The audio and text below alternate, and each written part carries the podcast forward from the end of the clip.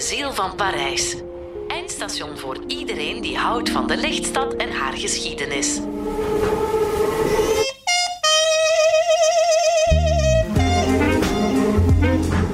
Bonjour, mijn naam is Rick van Puimbroek, journalist bij De Tijd en als reporter een fervent straatloper, omdat ik van dat oude motto hou. De straat is de universiteit van de journalistiek, daar leer je het. Zo kwam ik de voorbije 30 jaar af en toe in Parijs en ik dacht dat ik de stad wat kende. Tot ik met Dirk Velge, auteur van De Ziel van Parijs, het boek waarop deze podcastreeks geïnspireerd is, door de Franse hoofdstad wandelde. Dirk loopt al meer dan 30 jaar door Parijs en er is de beste man voor. Dat zal u merken als u tien afleveringen lang meewandelt. Omdat op die manier de getalsterkte van Frankrijk, Duitsland komt over Oh, het dondert, hè. We, zijn, we zijn aan de vooravond van de Eerste Wereldoorlog. We krijgen uh, medewerking van de goden. Ja. Stap je alvast mee op de metro? De ziel van Parijs die vind je niet alleen overdag. Ook, en misschien soms vooral, s'nachts vibreert de stad. Er is uiteindelijk licht genoeg en er waren altijd ook wel dames van lichte zeden die zich op horizontale wijze een weg door het leven baanden. Maar avonden en nachten geven ook de kans voor wie rauwe plannen heeft. Zoals die avond van de 31 juli 1914, waarop één Parijse man het leven liet en zo onsterfelijk werd. Welkom in aflevering 3. C'est parti. Waar komt de naam Berger eigenlijk? Wel ja, het heeft niks met herderinnen te maken. Nee, Dus het, eh, denken. kunt u voorstellen, de Folie Bergère, dat daar eh, dansende herderinnetjes zijn en zo, uit de Auvergne of de Cantal, maar dat is helemaal niet zo. Bergère is gewoon de naam van de eigenaar van de meeste huizen in, Ah, in deze wijk. Eerste halte, Folie Bergère, Rue Richer. Heel deze wijk is de wijk Bergère en dus de Folie die hier werd opgericht, al heel vroeg eigenlijk, al eh, dat rond de 1860 al. Eigenlijk in volle Napoleon III. Hè, al die speelse zinnelijke activiteiten kregen daar een eh, toch... Het ging economisch ook heel goed in die periode. Mhm. De koloniën werden uitgebreid. We hebben het erover gehad in het verhaal over Napoleon III. De stad was in volle expansie. Les grands magasins, les grands boulevards. En zo beginnen ook stilaan, nog niet Les Années Folles, maar ja, een soort voorloper zou je kunnen zeggen van wat later in de jaren 20 na de eerste eh, Les Années Folles geweest is. Bosbandig Parijs. Ja, en je had overal hier Les Folies. Je had hier Les Folies Trévise, Les Folies Sentier enzovoort, allemaal in de buurt. En zo had je hier ook een soort concerthal, Les zo. Folies Bergère. En in het begin was het een mengeling van verschillende acts, van goochelen tot bepaalde circusacts, maar ook een soort opera comique. En het is pas in de jaren 1880 dat er echt een nieuw genre gecreëerd is voor de Folie Bergère. En dat was La Revue Ballet. Waar dat dus een mengvorm was van eerder populaire kunsten met ballet, klassieke muziek, met nieuwe muziek, met aria's, alles door elkaar in een spektakel. En nog later dan rond de eeuwwisseling, Victor de Cotens, die toen eigenlijk een regisseur was in de Folie Bergère, die brengt dan voor het eerst de door iedereen gekende pluimen, veren en paillettes aan in de uniformen van de danseressen. En van dan af krijg je ja, dat eh, echte beeld van eh, Les Folies Bergère. Dat we tot vandaag eigenlijk. Die, Wat die het pluimen tot, zijn er tot, tot vandaag voornamelijk eh, gebleven is. Deze morgen stond het in alle kranten. Einde van een tijdperk. Het wereldberoemde Parijse cabaret Lido sluit voorgoed de deuren. Als in deze stad een monument verdwijnt, en zo dus ook een beetje geschiedenis, is het wereldnieuws. Maar de Lido is de Folie Bergère niet. En nu we door deze straten lopen, besef ik dat er nog wel wat meer monumenten overblijven. Gebouwen waar iets bijzonders gebeurde. Huizen met een geschiedenis, straten met een bijzondere naam. En het gekke is, het lijkt of Dirk over elke hoek en elke straat iets kan vertellen. We lopen door het negende arrondissement in de Cité Bergère waar Chopin woonde. We passeren aan het gebouw van BNP Paribas en in Dirks hoofd gaat een nieuw geschiedenisboek open. Zeker als ik zelf denk slim te zijn en te vragen of Paribas misschien zou verwijzen naar Paris-Bas, laag Parijs of zo. Nee, helemaal niets. Al in de 19e eeuw ontstonden de Banque de Paris en de Banque de Crédit et de Dépôt des Pays-Bas. En nog in dezelfde eeuw gingen die samen in La Banque de Paris et de Pays-Bas. Die bas komt dus uit Nederland. Wat ik wel weet is dat bas in het Frans kous betekent en dat je het terugvindt in banilon, nylonkous. En zo denk ik dat we toch weer wat dichter bij die Folie Bergère komen. Mooi, wat een, wat een gevel. Ja, en dan nog in uh, goud geschilderd. Of uh, bladergoud. Ja. Dus de, de, dus de Folie Bergère was eigenlijk de, de grootste van die verschillende folies die hier in de buurt opgericht waren eigenlijk. En je moet weten, tot voor de Frans-Pruisische oorlog in 1870 was zo de plaats waar jonge meisjes eigenlijk van droomden. Dat was eigenlijk het ballet in de opera, in de Opera Garnier. Pas op, de Opera Garnier is pas in 1975 geopend. Maar daarvoor had je ook een andere opera in de Rue Pelletier. Maar eenmaal in de Opera Garnier, dat was toch een eer om daar als meisje te kunnen toetreden tot wat men noemde le corps de ballet. Dat waren meer dan 200 kleine ballerina's die vaak als figuranten in grotere stukken en in de schaduw van echt grote artiesten optraden. Toen reeds was het een gebruik dat moeders uit de armere kringen hun dochter gingen inschrijven, probeerden binnen te krijgen in dat fameuze corps de ballet. Waarom? Omdat toen begoede heren, industriëlen, bankiers, rijke zakenlui die konden een abonnement verwerven voor een jaar. En in een bepaalde abonnementsformule was toegang inbegrepen tot het foyer des artistes. En dat zie je op die schilderijen van Edgar Degas. Ja. Degas heeft enorm veel scènes geschilderd in de opera, meer dan 1500. 1500 waar, je dus die ballerina's ziet eh, dartelen over de scène in fruile jurkjes, eigenlijk heel kwetsbare figuurtjes soms. Men noemde ze trouwens les petits rats, kleine ratjes.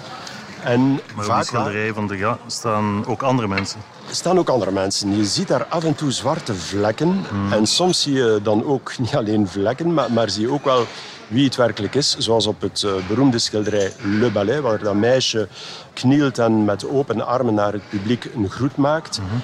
Daar zie je eigenlijk heel goed je ziet niet het hoofd, maar je ziet een stuk van het lichaam en zeker de broekspijpen en de schoenen van iemand in een zwart pak. Ja, en dat waren de fameuze abonnees die naar de opera gingen om daar dan contact te nemen, afspraken te maken met de moeder en zakelijke overeenkomsten te sluiten in verband met ja, wat niet meer of minder neerkwam dan eigenlijk een vorm van uh, prostitutie. En die moeders die deden dat eigenlijk met voorbedachte raden?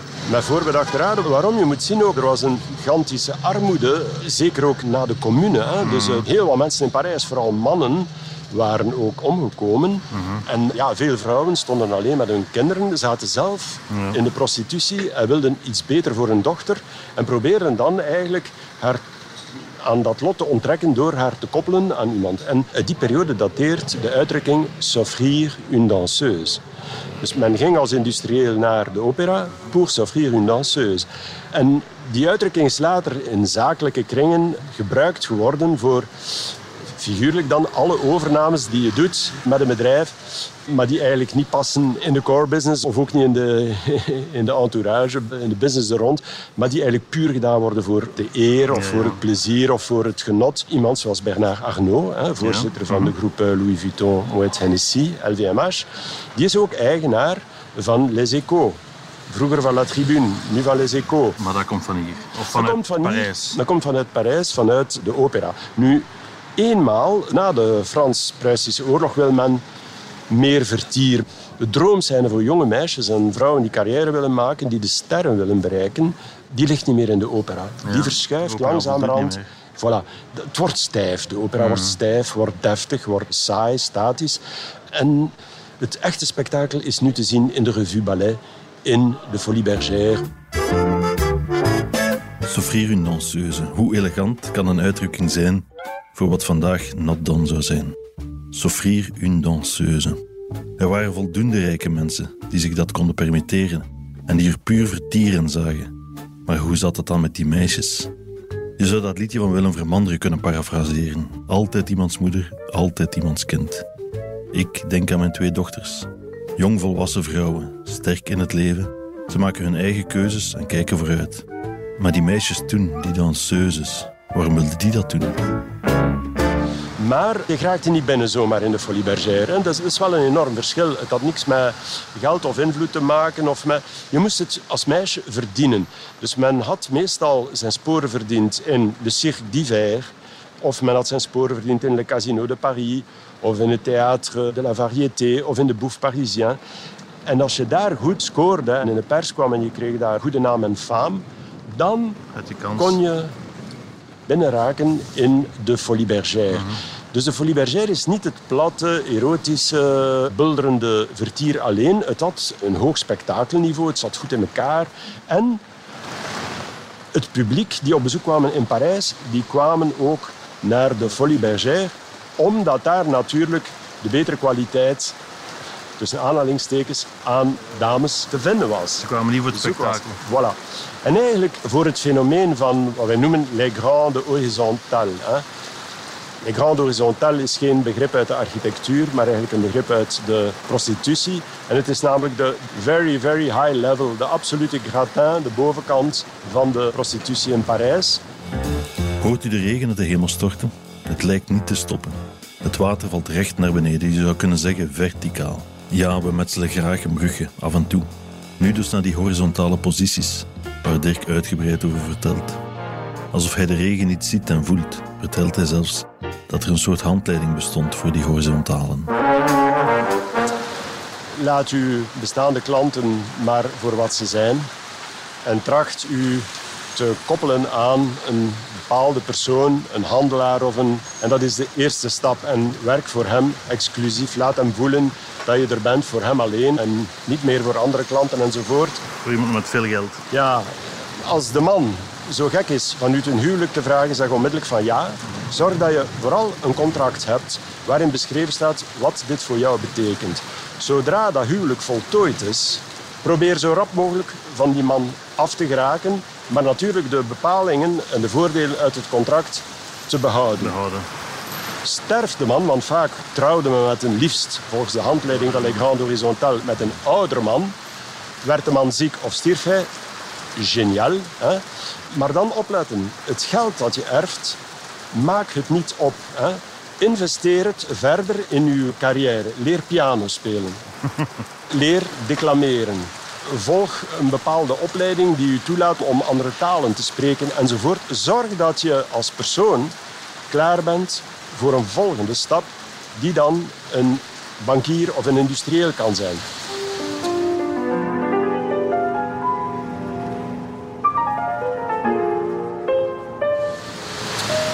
Leopold II had hier... Uh, ja, die naam duikt vaak op in dat verhaal van de, ja. de Grand Horizontale. Zijn schat in Parijs was Cleo, Cleo de, de Merode. Cleo de Merode die geen armoedig verleden had, maar ook geen rijk verleden. Ze was wel een verre familiante uit het geslacht van de Merodes. Hè. Maar dat baatte haar eigenlijk niet zoveel. Ze was wel wondermooi en ze had een fantastisch acteertalent. Ze won ook een aantal schoonheidswedstrijden nog voor Sarah Bernard. En dus bestonden affiches, postkaarten van haar die de wereld rondgingen en waarmee ze de aandacht trok.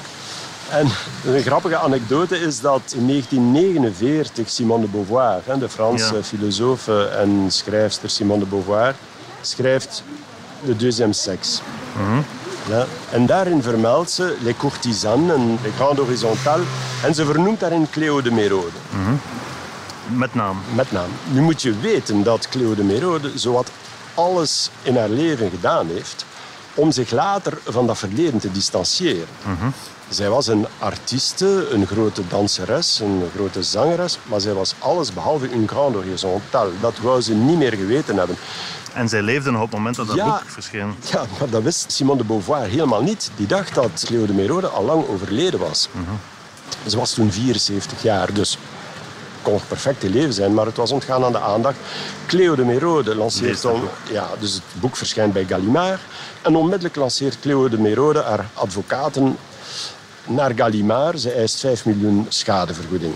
De advocaten van Gallimard natuurlijk verdedigen met te zeggen ja, maar zie hier alle bewijzen dat je dat wel bent en dat je dat wel... Je hebt dat vroeger nooit ontkend en in tegendeel, je deed je best om in de kijkers te komen en zo. Het is natuurlijk een prachtige correspondentie tussen die twee maîtres, de verdediger van Gallimard en de advocaat van de Merode.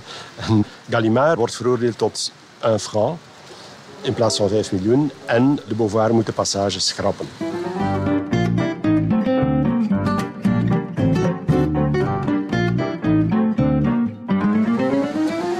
En dan heeft ze ten tijde van de uitspraak heeft zij een eigen boek gepubliceerd, Le Ballet de ma vie.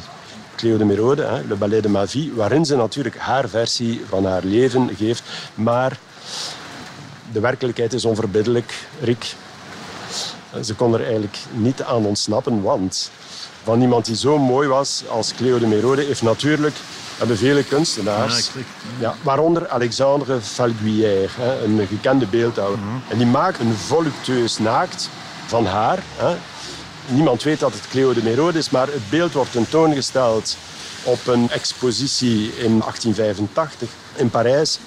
En onmiddellijk in de pers is het furore, want iedereen herkent het gezicht van Cleo de Merode, maar ook het lichaam. Het wondermooie lichaam, waarvan zij zegt, ja maar nee, ik was gedrapeerd. Waarvan de specialisten zeggen, nee, dat kan niet, want hij kan alleen maar dat lichaam zo perfect nagemaakt hebben wanneer hij met de handen een, de moele gemaakt heeft en u dus eigenlijk ja, betast heeft en ja, die moele gemaakt heeft op uw lichaam. Anders had u nooit zo'n perfect beeld. Ze ontkent dat in alle toonaarden tot wanneer dat de stukken getoond worden en dat Valguière het, het bewijst. En het is waar. En nu moet je het volgende weten. Zoveel later, in 2015, is er in Musée d'Orsay een grote tentoonstelling. En dat gaat over de geschiedenis van de prostitutie in Parijs. Ondertussen is Cleo de Merode al lang dood. Ze ligt begraven op Père Lachaise in het vak naast Oscar Wilde. En op die dag, in 2015, zal ze zich ongetwijfeld omgedraaid hebben in naast haar graf. Naast Oscar Wilde. Waarom? Omdat die tentoonstelling opent en je ziet heel veel doeken, pentekeningen, alles over die periode 1885 tot 1910. Hè. En wat staat er? Midden in de zaal als hoofditem van de tentoonstelling het beeld van Alexandre Valguière. Wie geboren wordt als Cleopatre Diane de Merode is misschien in de wieg gelegd voor een avontuurlijk leven. Je moet daar eens googlen, beste luisteraar. Zelfs maar gewoon bij afbeeldingen. Maar wacht er even mee. Luister eerst naar het einde van dit verhaal. Ik vertel u alleen al dit. Cleo de Merode was er zich goed van bewust wat ogen met een man kunnen doen. Op bijna alle foto's kijkt ze op dezelfde manier in de camera. Amper met een lachje. Met ferme mascara accentueert ze haar blik. Ze kijkt altijd een klein beetje van onderuit. Het is zo'n blik van de onschuld. Al zie je meteen dat zij misschien de verpersoonlijking is van het begrip ogenschijnlijk. Met Cleo de Merode valt niet te lachen. Één vraagje over Annemarie Chassaigne, denk ik. Die spijt gekregen heeft van haar uh, liederlijk leven en die, als ik het goed gelezen heb, in het klooster is gegaan. Ja, dat was schitterend. Die heeft haar naam veranderd in Liane de Pougy. Zij was een magicienne eigenlijk en een acrobate hier waar we nu staan, in de Folie Bergère. En die is opgeklommen ooit tot de opera. Ja, want ja, de, opera was dan echt het klassieke werk en, en het chicere werk in hun ogen. Maar daar was het de complete afgang, want daar schreef de pers... Elle joue mieux couché que debout. En daar moest natuurlijk heel Parijs om lachen. Betekende ook een beetje het einde van haar droom, van haar carrière. En ze is dan later inderdaad ingetreden in een klooster bij Lausanne. De dag is nog jong, maar we zijn al afgedaald in vrolijke en zwoele Parijse nachten. Met feesten, vertier, ronkende blikken. Een handleiding over hoe je als vrouw rijk kon worden. Seks, kousen en pluimen. In 2022 treden mensen als Dita van These en de Amerikaanse groep Counting Crows in Folie Bergère op. Maar wij eindigen dit verhaal dus in een klooster in Lausanne. We weten dat God altijd vergeeft. En wij spoelen die zondige verhalen er maar van ons af met een hete koffie en een Parijse bistro. We kunnen verder de dag in. Wat is dit? Dit is de Bouillon Chartier. De Bouillon Chartier. Mm -hmm. Het is een goedkoop restaurant. Het is heel groot. En het was een van de eerste populaire restaurants waar eigenlijk bijna iedereen zich kon veroorloven om op restaurant te gaan. Maar is het nog altijd goedkoop? Ja, het is nog altijd goedkoop, maar je moet eens zien de totaliteit van allee, hoe dat eruit ziet eigenlijk. Al die tafels waar mensen gewoon zij aan zij naast elkaar zitten, rode napjes. En ja, het is nog de plaats waar vroeger de garçons eigenlijk aan de tafel met de pen op het witte papier gewoon de afrekening maken optellen en dan voilà, je betaalt. En dat gebeurt nog altijd zo? En dat gebeurt, ja. denk ik, nog altijd zo. Volgende halte. Rue de Montmartre et rue du Croissant. We gaan zo meteen verder, na dit. We lopen nu in de... Is dat de rue Montmartre hier? Nee, dat is Notre-Dame des Victoires. Oké. Het lijkt niet echt een belangrijke straat, maar het is wel een... eh, Ja, ze, ze is wel een heel lange straat. Een lange ze begint ginder achteraan. en achter die versmalling heb je een klein pleintje. En daar heb je de kerk Notre-Dame des Victoires. Maar dit is- Eh, en, ja, La Bourse. Dit is La Bourse, de oude beurs van Parijs. Maar zo te zien is het vandaag een restaurant. Of, eh, Het is een restaurant, het is een evenement. Het behoort zelfs tot de portefeuille van de holding Sofina. Nu, het wordt gebruikt voor allerlei evenementen. Wordt het eigenlijk eh, verhuurd, congressen. Ik denk tot en met trouwfeesten kan je hier doen. Eh, De beurs zelf, de handel is natuurlijk volledig elektronisch, digitaal. Met die Griekse zuilen ja. ja, heeft het natuurlijk nog altijd de uitstraling van weleer. En We zijn hier voor de beurs.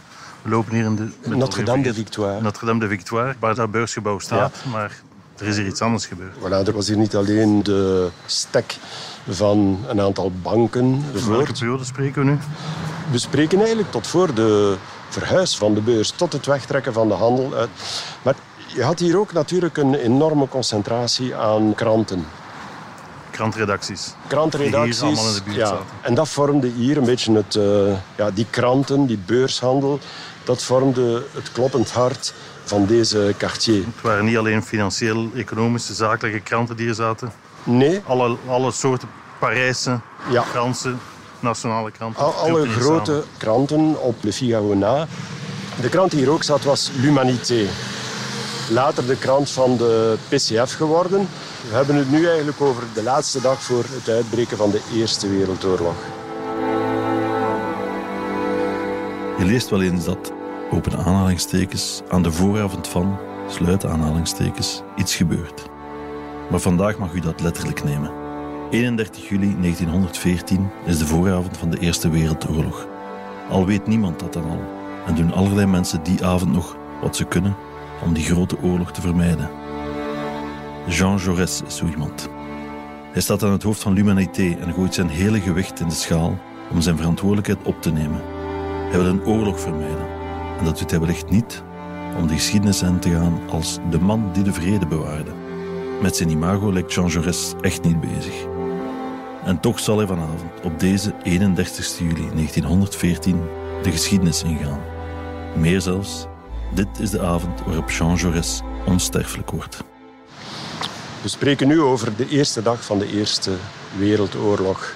1 augustus 1914. De dag ervoor stapt Jean Jaurès hieruit uit een taxi aan de beurs. Waarom stapt hij daaruit? Gewoon omdat hier in de rue Léon Cladel het al vol stond met vrachtwagens. Gezien alle kranten hier zitten. De kranten hadden hier ook een drukpersen. Werden hier volle papierrollen uitgeladen enzovoort. Dus Er was geen je, doorkomen je aan kon er niet taxi. dichterbij. En Jaurès stapt gewoon uit en wandelt te voet verder naar de redactie van l'Humanité. De krant die hij zelf heeft opgericht samen met René Viviani, die op dat moment de premier is van Frankrijk. Hij weet natuurlijk dat die wereldoorlog bijna onvermijdelijk is. Maar toch zal hij er nog alles aan doen wat in zijn mogelijkheden ligt. Want hij is niet alleen een groot socialistisch voorman, hij is vooral ook een Europees gekende pacifist. Zal hij er alles aan doen om nog te stoppen. Wat heeft hij die dag gedaan? Hij komt eigenlijk van de Assemblée. En in de Assemblée heeft hij nog geprobeerd René Viviani, zijn partijgenoot, vriend en medeoprichter van l'Humanité, te spreken om hem te overtuigen om Rusland, om de tsaar te benaderen om de Russische mobilisatie die de dag ervoor gebeurd is, terug te draaien en te stoppen. Want de week voordien hebben president Raymond Poincaré en René Viviani nog maar net een ontmoeting gehad met Nicolas II. Met dus het is niet zo dat het onmogelijk was. Hè? Want Jaurès wist goed, als de Russen mobiliseren, dan gaat Duitsland ook mobiliseren en dan Dan zijn we zijn we vertrokken. En dus op 29 juni is hij nog in Brussel. Op een bijeenkomst van het politiek bureau van de SFIO. Met ook Rosa Luxemburg uit Duitsland. Met Haase uit Nederland. Met Emiel van der Velde van bij ons. Groot socialistische voorman bij ons.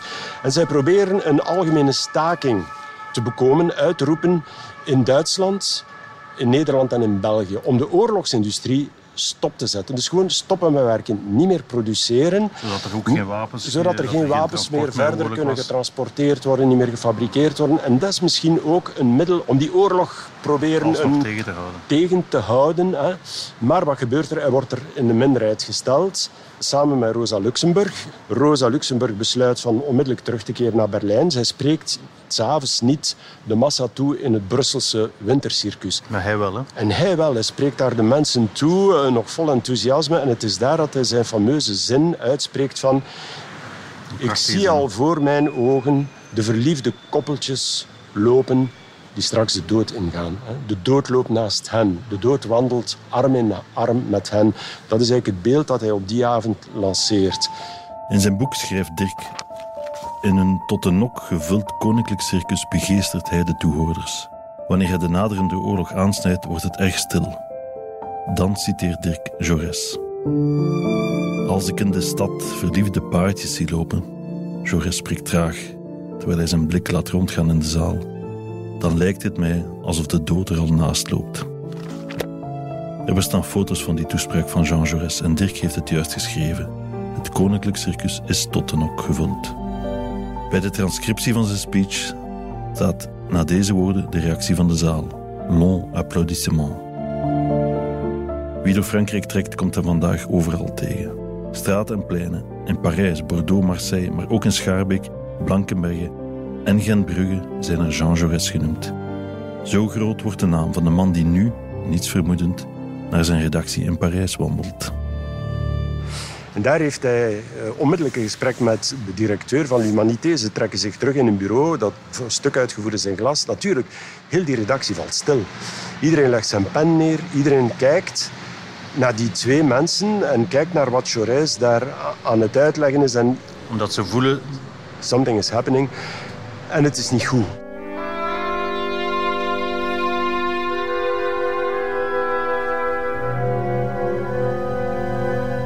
En ze gaan waar ze altijd gaan, waar ze elke dag gaan eten. Hier, we zullen een beetje verder wandelen. Mhm.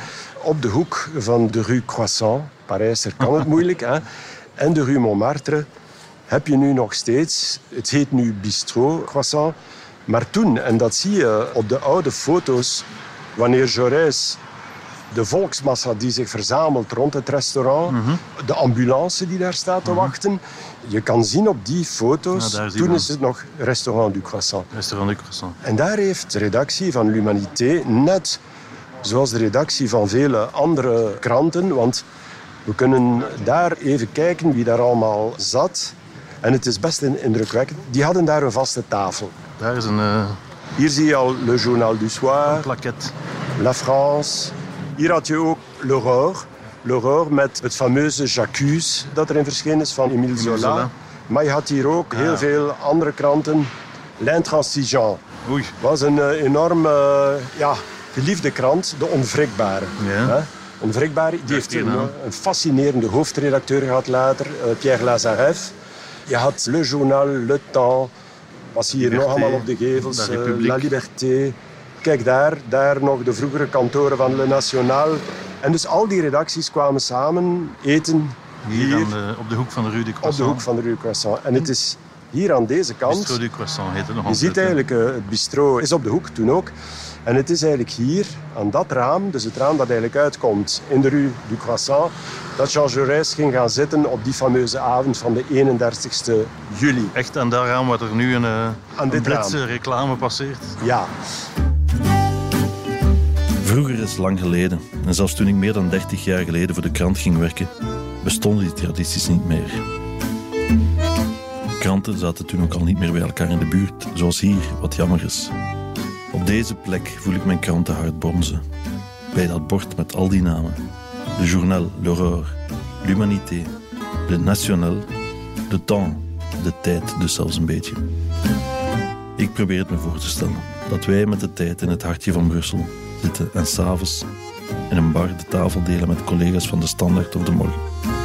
Of Leco natuurlijk. Nog altijd is het wereldje klein en collega's van nu gaan misschien later bij de concurrentie werken. Of omgekeerd. We kennen elkaar goed, komen elkaar tegen, al dan niet op reportages of bij koninklijke missies. Maar de sfeer van toen en van in deze wijken, nee, die is voorbij. En dus dat was een vaste plaats. En ik kom er binnen met Marcel Cachin, met nog enkele andere redacteurs. En onmiddellijk worden er groeten uitgewisseld met mensen van andere redacties. Want iedereen wil met elkaar praten over de stand van zaken. Met die nakende oorlog, hoe zit het nu? En ja, er komen hem ook sommige mensen groeten. Er valt een beetje last van zijn schouder. Er is vriendschap, er zijn handdrukken, er is een glas wijn. En oké, het gaat wel weer al over die oorlog.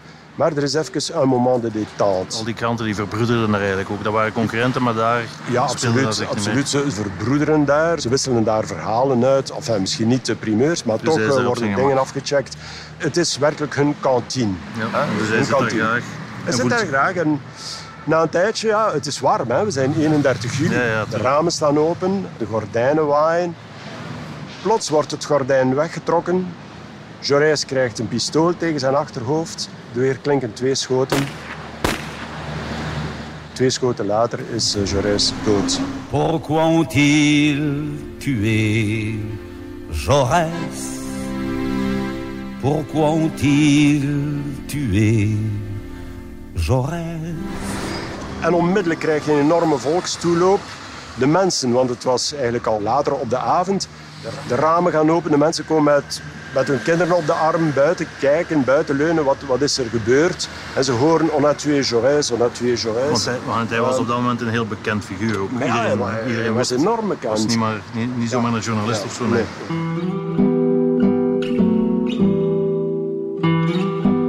Vorige zomer werd Peter R. de Vries in Amsterdam op straat doodgeschoten. Hij was journalist. Vijf jaar geleden werd in Malta Daphne Caruana Galizia een moedige vrouw die zich verdiepte in de corruptie van de Maltese regering en daarover schreef, vermoord. Er was een bom onder haar auto gelegd. Sinds februari sneuvelden journalisten en fotografen in Oekraïne. Sommigen kwamen terecht in bombardementen en konden niet ontsnappen. Maar net zo goed worden mensen geviseerd en bewust neergeschoten. Om wat ze weten of om wat ze willen doen. Je hoeft zelf geen primeurjager, geen nieuws, misdaads, onderzoeks- of politiek journalist te zijn om mee te voelen hoe dat in je vel snijdt. Hoe dat je journalistenhart doet bloeden. Hoe je voelt dat het vertellen van verhalen er soms voor zorgt dat andere mensen dat als bedreigend beschouwen. Het nieuws dat iemand uit het vak het werk met zijn of haar leven bekoopt, went nooit. Jean Jaurès moest dood. En de man die hem vermoord heeft, Raoul Villain, die wordt in de straat nog bij het wegvluchten, enfin, moet genuanceerd zijn, hij probeerde eigenlijk niet te vluchten.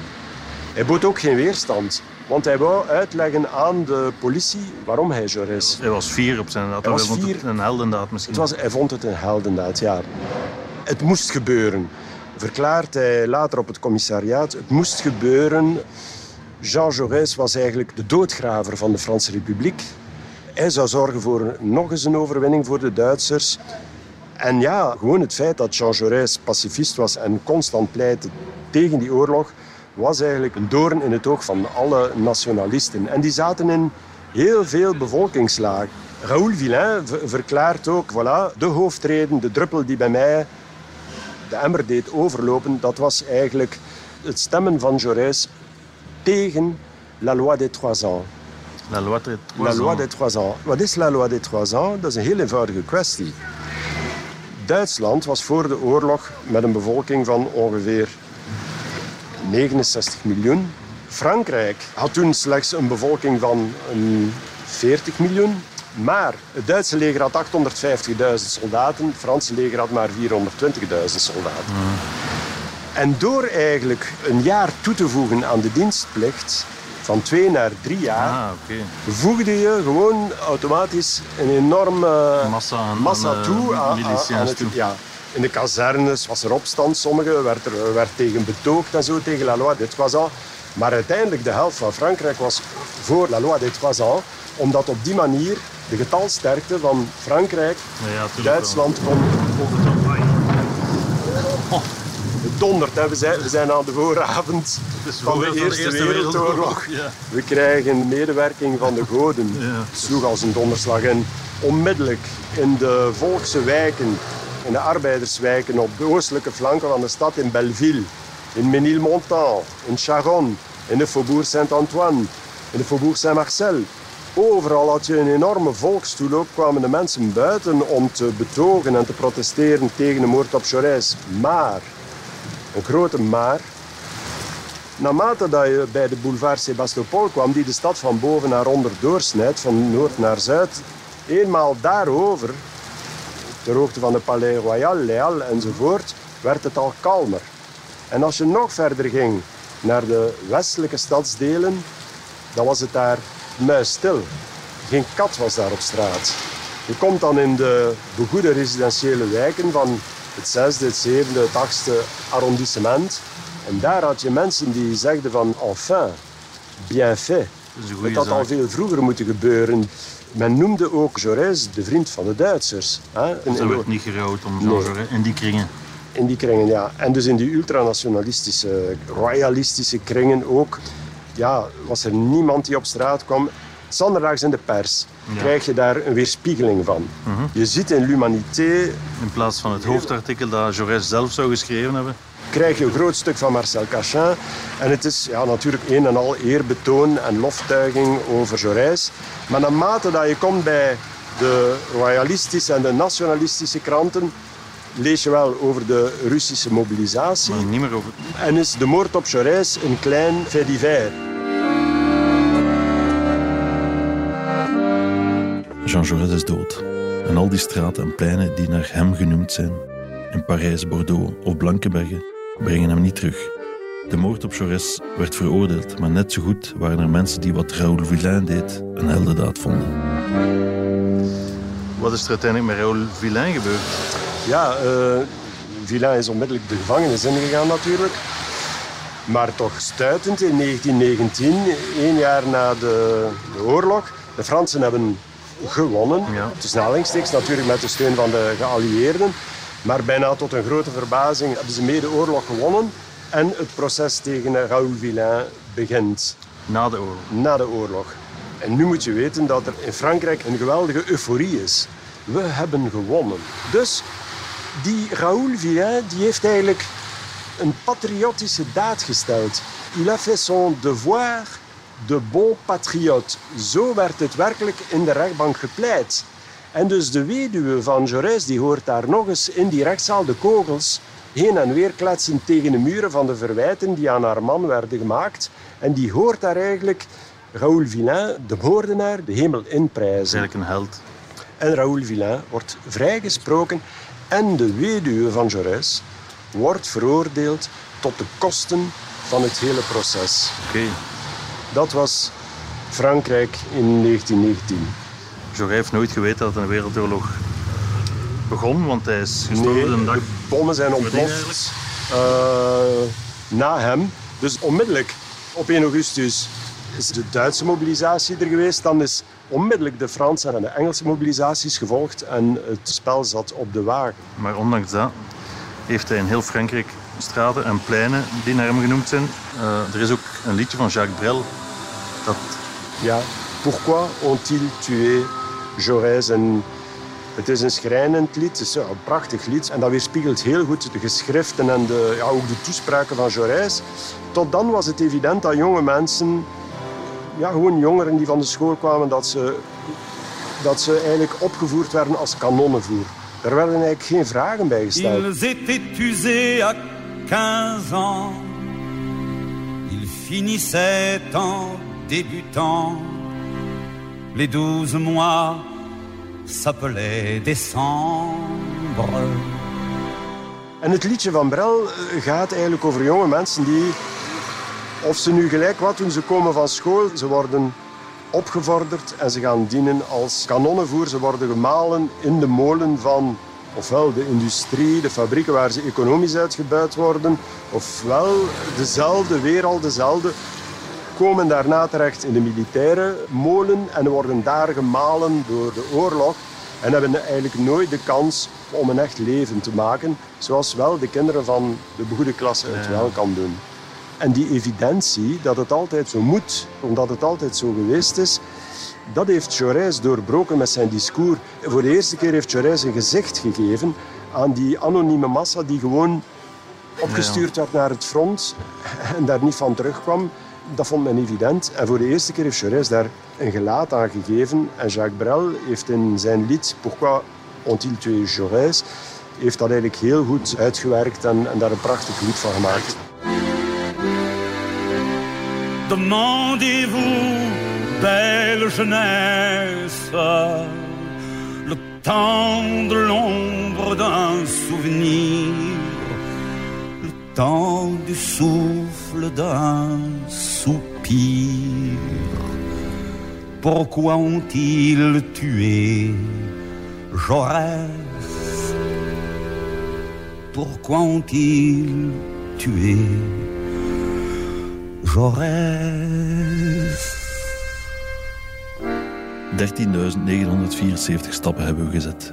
Dat is eigenlijk niet zoveel voor een dag in Parijs, maar de metro hielp grote afstanden overbruggen.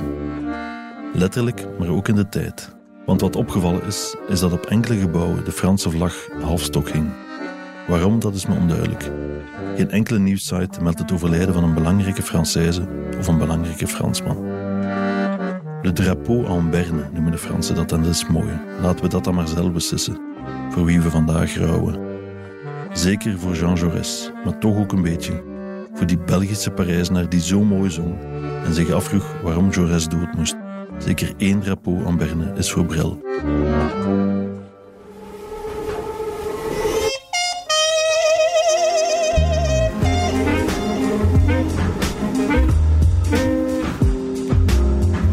Eindstation Terminus. De Ziel van Parijs is een podcast van de tijd naar het gelijknamige boek van Dirk Velge. Journalist Rick van Puinbroek was uw metgezel op deze trip. Montage en productie door Stef Leenaars en Jordan Hudson. De klank lag in de magische handen van Damien Timmerman. Karel Dirk schreef de scenario's en regisseerde de opzet. Speciale dank aan Anke de Veerman, Anne-Sophie Moerman, Sandrine Timmerman en uitgeverij Hannibal. Ben je benieuwd naar nog meer Parijse verhalen? Luister dan snel naar de volgende aflevering en abonneer je op ons kanaal. Ook een review mag altijd. Ik wil je gewoon iets grappig tonen. Dus eh, het is natuurlijk een katholieke kerk, uiteraard. Maar de vaklieden die hier eh, mochten te werk gaan, of die talrijke sculpturen gebeeldhouwd hebben hier in het voorportaal van de kerk, die hebben zich eigenlijk toch wel geamuseerd met daar allerlei dingen tussen te stoppen. Absoluut, Eh, ja. Kleine duivelfiguren, Duivels. slangen die plots van achter de engelenvleugels komen. En allerlei, ja, bijna voorhistorische dieren, saters. Maar dit eh, slaat een beetje alles. Hier zie je een heilige Die zijn eigen hoofd vasthoudt. die zijn eigen hoofd vasthoudt. Merci beaucoup et à bientôt.